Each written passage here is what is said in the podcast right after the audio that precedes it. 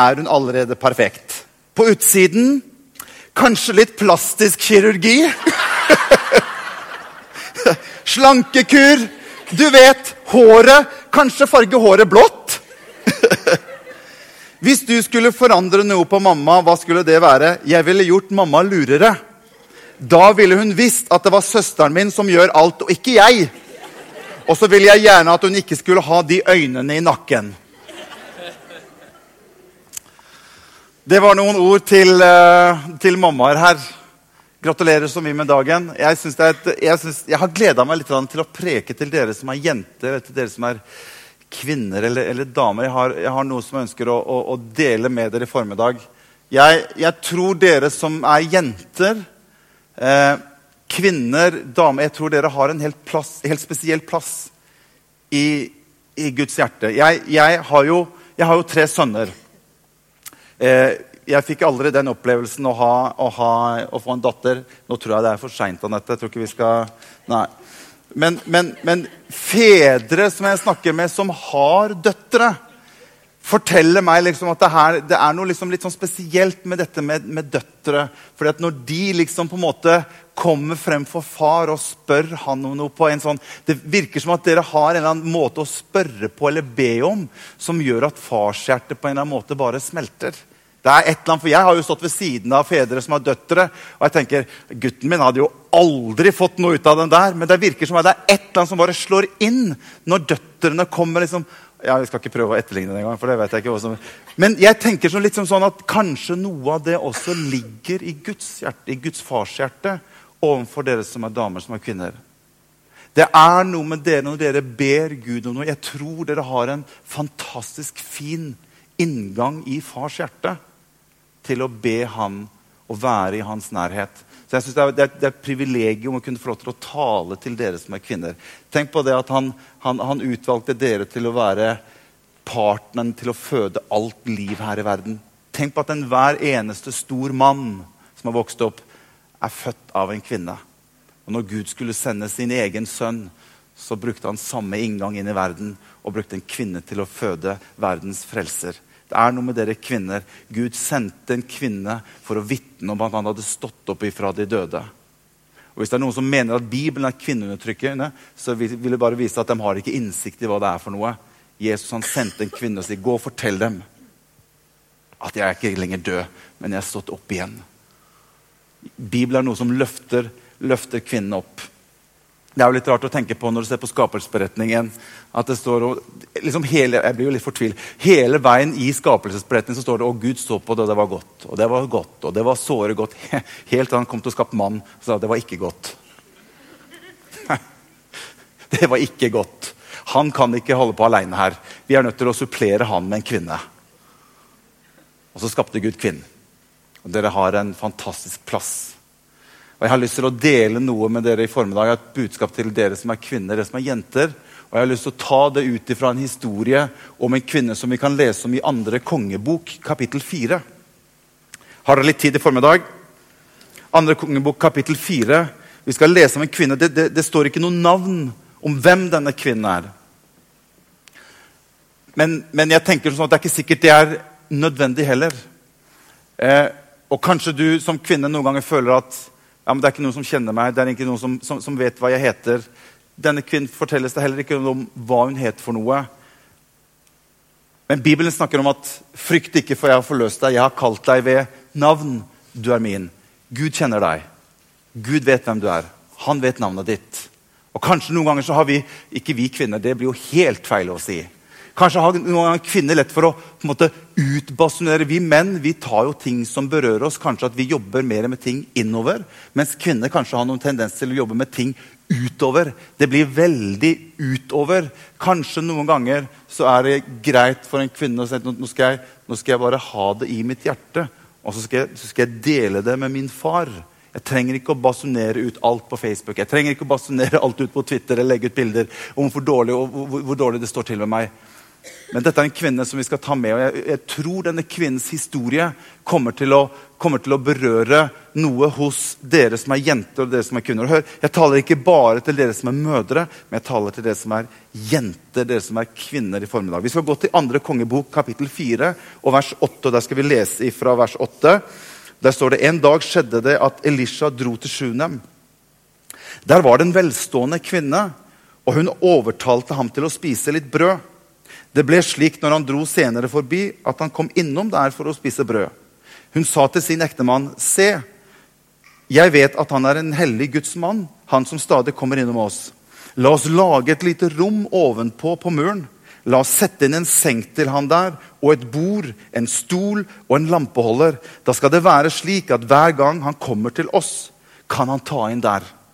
En dag skjedde det at han kom dit, og han tok inn i rommet ovenpå og la seg der. Det står at det var en velstående kvinne som bodde sammen med sin mann. Og Det virker som at hun hadde på en måte litt kontakt med Gud. Men det var ikke så veldig mye. Det var, det var mer sporadisk. Men nå virker det som at det er et eller annet som skjer med denne kvinnen. For denne kvinnen tenker at jeg er nødt til å ha større plass for Gud i hjemmet mitt. Jeg er nødt til å gjøre plass til Gud inni mitt liv. Det holder ikke bare med at jeg har han litt sånn, bare sånn på, på avstand. At jeg bare, jeg bare deler litt i denne fellesskapen. Jeg ønsker enda mer at Gud skal bli en stor del av hjemmet mitt. Og det er dette denne kvinnen sørger for. Hun sier, 'Mann, vi kan ikke ha det sånn som vi har nå.' Det blir for lite av Gud hjemme hos oss. Og det er kvinnen her som tar initiativet til å begynne å rydde plass for Gud hjemme i hennes hjem. Og hør, kvinner. Alle statistikker viser at det er dere som er de som har mest påvirkning på barn som fødes og vokser opp i familier. Så er det du som har den største påvirkningen på barna dine i de første år mens de lever. Og denne kvinnen her, hun ønsket å rydde plass for Gud i sitt hjem. Og jeg tenker det er så viktig at ikke bare kristenlivet vårt blir bare noe som vi kommer og deler på søndager sammen. Men at du som kvinne, som er, som er mor, tar det ansvaret hjemme hos deg. Du er den som er med og lager atmosfære hjemme. Du er den som, som, som er inne på tingene på en helt annen måte mange ganger enn det vi mannfolk er.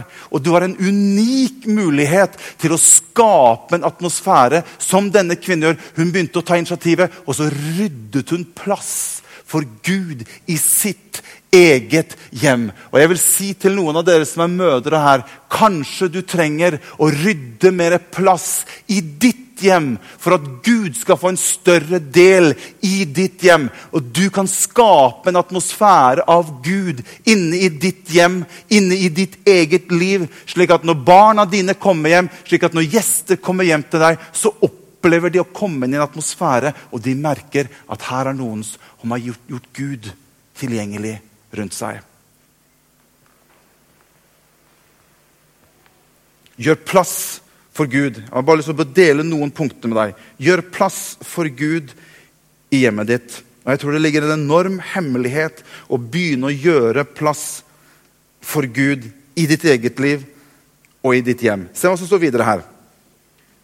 Så sa han til Gehazi, det her er altså Elisha som sier til sin tjener, så sa han til Gehazi, tjeneren sin, rop på denne sjonamittkvinnen. Da han hadde ropt på henne, kom hun og stilte seg foran ham. Han sa til ham, 'Si nå til henne:" 'Se hva du har gjort deg umak for oss med all din omsorg.' 'Hva kan jeg gjøre for deg?' Og når jeg leste det, så tenkte jeg jeg tror veldig mange mødre er utrolig opptatt med alt annet enn noen ganger å glemme seg selv. Du er vant med å fikse alt for ungene dine. Du er, alt, du, du, du er, opptatt med å fikse alt, til og med for mannen din. Nå, nå eksponerer jeg meg sjøl her, så derfor bare Det er noe hos deg i din natur som bare er slik at du fikser alt rundt deg. Men noen ganger så tror jeg Gud ønsker å få deg i en posisjon hvor han kommer til deg og spør hva vil du at jeg skal gjøre for deg. Kanskje dere kvinner, og kanskje spesielt mødre, i en travel hverdag. Det blir så liten sjanse for Gud til å kunne komme til og kunne tale og spørre deg og stille deg noen spørsmål. For du er så travelt opptatt med alt annet i livet ditt. Og du er så opptatt med alle ting som du føler skal fikses og ordnes. Og det er sikkert rett og det er sikkert helt timelig å gjøre det. Men du mister noen ganger muligheten til å komme i den posisjonen at Gud faktisk kan spørre deg som mor eller kvinne hva vil du at jeg skal gjøre for deg? Du trenger noe. Du trenger noe ifra Gud. Og det er det som skjer i denne situasjonen. her. Denne kvinnen hadde begynt å gjøre plass for Gud. Og når, når, når, hun hadde begynt å gjøre plass for Gud, så begynte hun å åpne opp for at Gud kunne begynne å gjøre noe i hennes liv tilbake. Og profeten spør denne kvinnen, 'Hva ønsker du at jeg skal gjøre for deg?' Det er en viktig del i ditt liv som kvinne det er at du har en tendens til at det ikke alltid bare tingene rundt deg som skal fikses, men at Gud har en åpning inn i ditt liv, inn i ditt hjerte, til at han kan få lov til å gjøre og tale og spørre deg hva ønsker du at jeg skal gjøre for deg. Nei, men jeg, nei, det er greit med meg. Jeg har, det, det, det ikke, nei, det, jeg har så mye. Det er så mye som jeg har Nei, det er helt greit for meg. Nei, men Gud spør hva vil du at jeg skal gjøre for deg. Se hva som står videre her. Så sa han, 'Hva er det da som kan gjøres for henne?' Gehazi svarte, 'Hun har sannelig ingen sønn.' Og hennes mann er gammel. Da sa han, 'Kall på henne.' Da han hadde ropt på henne, kom hun og stilte seg i døråpningen. Si døråpningen. Jeg må bare høre om at dere er her, liksom. Jeg vet ikke hvorfor jeg skulle be deg si døråpning. jeg skal komme litt tilbake. Men det er bare liksom få, få litt feedback her. Og hun stilte seg i døråpningen. Så sa han, på denne tiden neste år skal du omfavne en sønn. Hun sa, nei, nei, nei, min herre, sier hun. Du Guds mann, du må ikke lyve for din tjenerinne. Ser du responsen som denne kvinnen kommer tilbake? Han, hun har åpnet opp for Gud, hun tilgjengeliggjør seg for Gud. Og Gud begynner å tale til henne og spør hva kan jeg gjøre for deg. Og så sier, så sier, Elisha at på neste år på denne tiden så skal du få lov til å omfavne en sønn. Og hennes respons tilbake er nei, min tjener, du, du, du, du kan ikke si slike ting. Vet du hva det står på grunnteksten? Der? Ikke, ikke fremprovoser håp i meg. Så jeg har skrevet her som punkt nummer to Kvinne, gjør deg tilgjengelig, så han kan tale inn i ditt liv. Gud kaller deg til et sted hvor han kan få lov til å begynne å tale til deg. Og denne profeten ber denne kvinnen å komme til ham. Og det står at hun stilte seg i døråpningen. Hva er døråpningen bilde på? Døråpning er et bilde på en mulighet til å gå inn i noe annet fra noe som du allerede har vært i. Og det er der profeten kaller Hun stiller seg plutselig disponibel for at Gud kan få lov til å begynne å tale inn i denne kvinnens liv. Og plutselig så begynner Gud å tale om noe som for henne var sårt, som for henne var litt vanskelig. Og hun sier, 'Nei, ikke si sånne ting'. For sånn, Jeg har håpt på dette så mange ganger før. Og det har ikke blitt noe av de ting som jeg følte Gud talte til meg om i mitt hjerte. Den drømmen som jeg kanskje hadde når jeg var ung. De ting som jeg opplevde kanskje Gud kalte meg til. Eller Gud, Ikke si sånt noe til meg! Og kanskje denne kvinnen hadde over lang, lang tid begynt å legge bort de tingene som hun kanskje hadde gått og bedt om, som hun hadde kanskje gått og drømt om, som hun kanskje hadde opplevd i sitt hjerte for mange år siden, var noe som Gud ønsket han hun skulle gjøre. Og når det ikke ble akkurat i den tiden eller på den måten hun hadde sett for seg, så begynte hun bare å trekke seg tilbake. Hun la bare lokk over det. Men så kjente hun samtidig at jeg kan ikke ha Gud på den avstanden som jeg har. Og når hun begynner å åpne opp hjemmet sitt, og når hun begynner å åpne opp i sitt eget liv, så begynner Gud med en gang å tale til henne på nytt igjen. Så sier han på neste år så skal du få lov til å omfavne en sønn. Ja, Men det er så sårt. Skjønner jeg, jeg, har nesten gitt opp å be om at barna mine skal bli frelst. Jeg, jeg, jeg vet ikke om jeg orker lenger å bære på de tankene om at jeg skal få se de frelst. Jeg vet, vet ikke om jeg, vet ikke om jeg orker å be lenger om at ekteskapet mitt skal komme i orden. Eller de ting som jeg følte at Gud har lagt i mitt liv, at det skal bli en virkelighet. Men når hun stilte seg der i døråpningen, så hadde Gud en mulighet til å føde noe på nytt i denne kvinnens liv. Og han sier ved neste år på denne tiden så skal du få det som jeg har talt til deg om, det løftet som jeg har gitt deg, den drømmen jeg har gitt deg, skal få lov til å bli en virkelighet i ditt liv. Halleluja.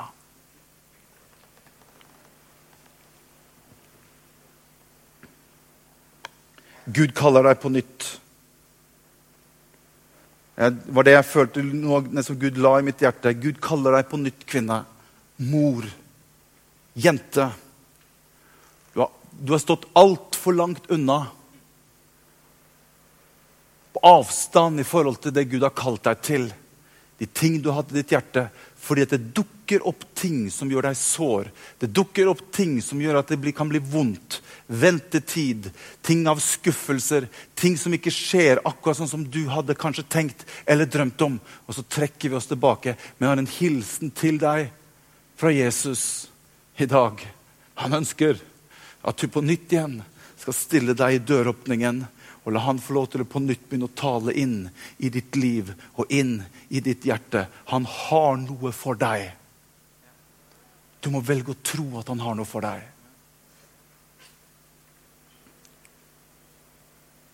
Så står det videre kvinnen ble med barn.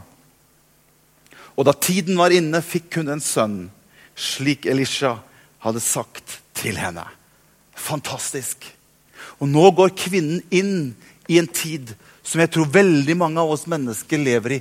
En slags form for sånn mellomfase i livet vårt. For se hva som står videre. Gutten vokste opp, og en dag gikk han ut til faren sin og ondefolket. Da sa han til faren, 'Hodet mitt, hodet mitt.' 'Bær ham hjem til hans mor', sa faren til tjenestegutten. Han tok og bar ham hjem til moren, og gutten satt på fanget hennes til middag. Da døde han. Løftet som Gud hadde gitt henne, døde. Drømmen Gud hadde hatt for henne, døde. Så står det hun gikk da opp og la ham på gudsmannens seng. Så lukket hun døren og gikk ut.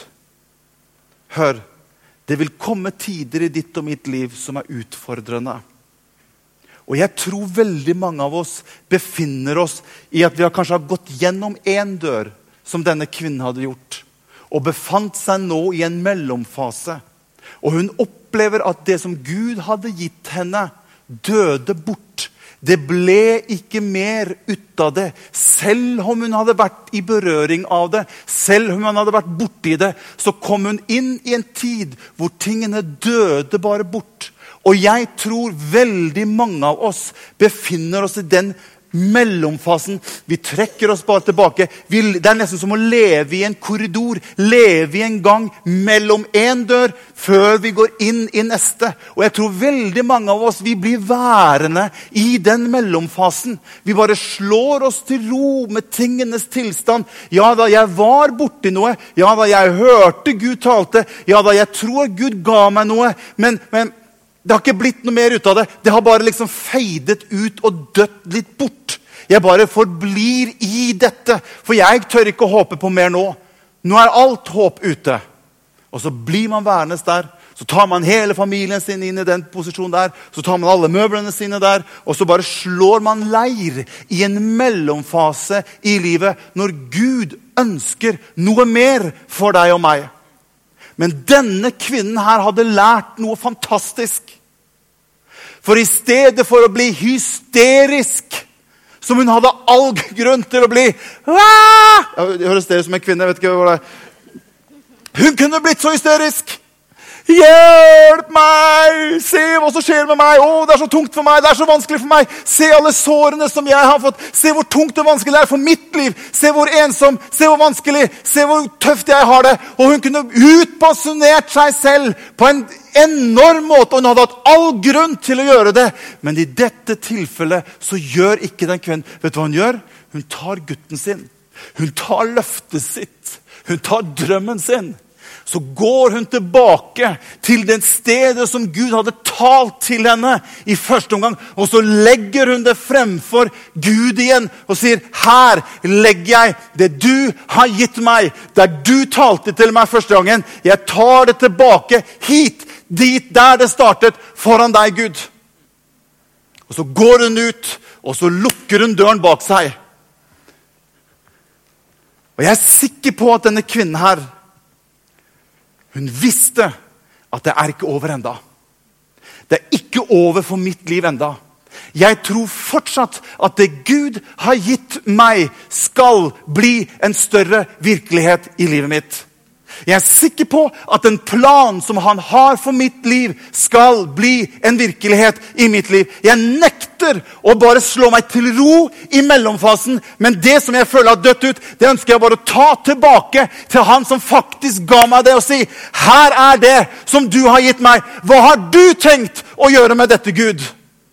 Og det er den holdningen som jeg synes er så sterk i denne kvinnen sitt liv. Hun hadde opplevd og erfart at det hjelper ikke meg å hysterisk skrike ut om alt sammen. Det blir bare en tung vekt hvis jeg skal gå og holde og bære på det som er utfordringen og det som er problemet. Jeg tar det som er vanskelig og tungt, og som jeg opplever har forsvunnet. Så tar jeg det med, og så legger jeg det bare ned igjen ved Guds føtter. Og så kommer jeg til å si til Gud, Gud, hva har du tenkt å gjøre? Med dette. Halleluja. Se hva som står videre. Det syns jeg er så sterkt, det som står først der. Har du lagt merke til det? Kvinnen ropte på mannen sin. Det er, det er, det er, vi har skriften på det, folkens. At kvinner roper på mennene sine. Kvinnen ropte på mannen sin og sa, 'Send meg straks en av tjenesteguttene og et av eslene.' 'Jeg må skynde meg til gudsmannen, og så kommer jeg tilbake.' Mannen spurte, 'Hvorfor vil du dra til ham i dag?' 'Det er jo verken nymånedag eller sabbat.' Jeg vet ikke om mannen har fått med seg faktisk at sønnen var blitt død. Og Det også er litt typisk for oss mannfolk. Vi får jo ikke med oss alt av ting som skjer hjemme. Det virker som han er helt ute. Har du tenkt å dra i dag? Det er jo verken nymånedag eller sabbat. Og hun sa, se hva hun svarer tilbake til sin mann. Vær ikke urolig. Hun hadde noe i sitt hjerte opp imot det Gud hadde kalt og gitt henne til. En besluttsomhet som jeg syns er helt fantastisk å legge merke til. Ikke vær urolig, sier hun. Og Jeg har skrevet her som punkt nummer tre. Hold fast på Guds ord og Guds løfter til deg, kvinne. Hold fast på det du opplever at Gud har gitt deg i ditt liv og i ditt hjerte. Hold fast på det! Så salte hun eselet står videre, så salte hun eselet og sa til tjenestegutten.: Driv det av gårde, og stans meg ikke mens jeg rir, uten at jeg ber deg om det. Og så avsluttes det hele. Så dro kvinna av sted og kom til gudsmannen på Karmelfjellet. Da han så henne langt borte, sa han til Gehazi, tjeneren sin, se, der kommer kvinnen fra Sjunem. Løp henne straks i møte og si, står det bra til med deg og mannen din og gutten? Ser du, Denne gangen så hadde ikke Gud åpenbart for profeten hva som var gærent. Første gangen så tok han det med en gang og sa du trenger en sønn. Du ønsker en sønn. Denne gangen så står det ingenting om at han skjønner at noe er galt. Hvorfor det? For denne kvinnen, og det er det som handler om å vokse passe i Gud, det er at du og jeg begynner å innta en posisjon i livet vårt hvor at jeg begynner å vite hva Gud har gitt meg. Og jeg kan begynne å stå fast på det som Gud har gitt meg. For så mange som Guds løfter er, i Kristus har de fått sitt ja og sitt amen. Derfor kan jeg komme frem for denne gudsmannen og si at vet du hva, jeg har jo fått en sønn som du ga meg. Jeg har fått et løfte fra deg. Hva har du tenkt å gjøre med det? Og det er det som skjer med denne kvinnen. Hun går rett på. Se hva som står videre her. Løp henne straks i møte og si, 'Står det bra til med deg og mannen din og gutten?' 'Ja, det står bra til.' Jeg vet hva jeg har fått. Om det ikke det ser ut som det akkurat nå, så vet jeg likevel hva Gud har gitt meg i mitt liv, i mitt hjerte. Det Gud har gitt meg som en drøm i mitt hjerte. Jeg vet hva han har gitt meg. Ja da, det står bra til. Fordi at når jeg er svak, så er jeg sterk. For hans kraft fullendes i min skrøpelighet. Jeg kan få lov til å oppleve at om ikke tingene rundt meg synes helt som jeg skulle ønske det var, så vet jeg på hvem jeg tror. Jeg vet at jeg har fått et løfte fra Gud. Og det står jeg fast på. Jeg nekter å bare sette meg ned og bli passiv i forhold til det Gud har for meg i mitt liv. Jeg ønsker å se det i livet, i mitt eget liv. Ja, alt står bra til, sier hun. Men da hun kom opp på fjellet til gudsmannen, slo hun armen om føttene hans. Gehazi gikk frem for å skyve henne bort, men gudsmannen sa, 'La henne være.' Hun bærer på bitter sorg, men Herren har skjult det for meg og har ikke fortalt meg det. Kvinnen sa, 'Herre, har jeg bedt deg om en sønn?' Hm?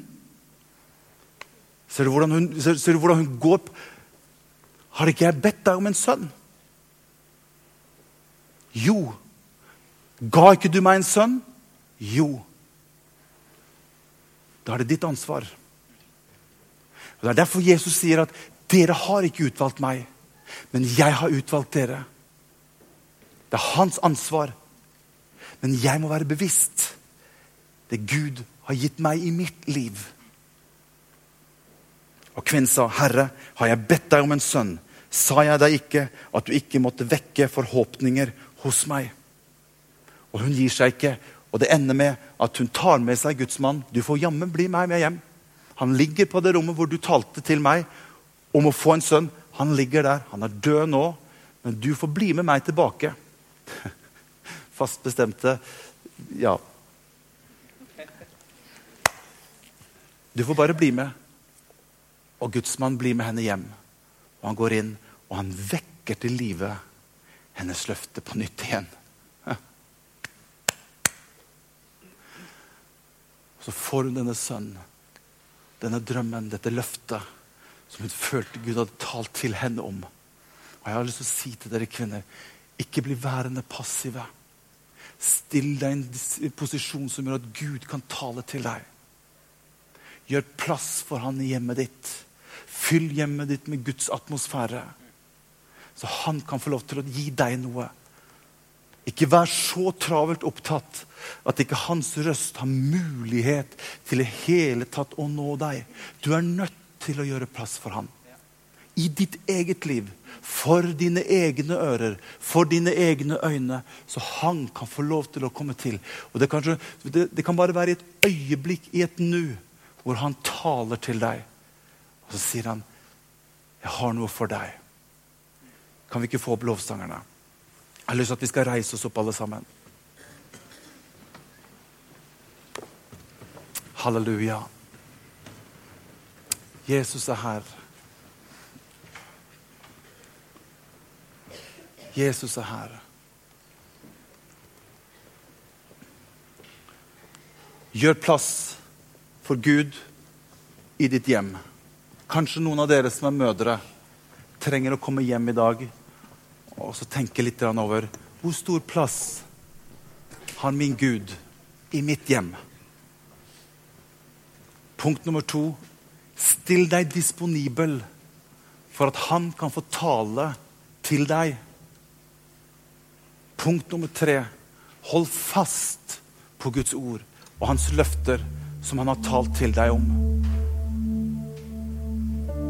Ta med dette hjem, kvinner og jenter. Halleluja. La oss bare lukke våre øyne litt. Skal vi gjøre det?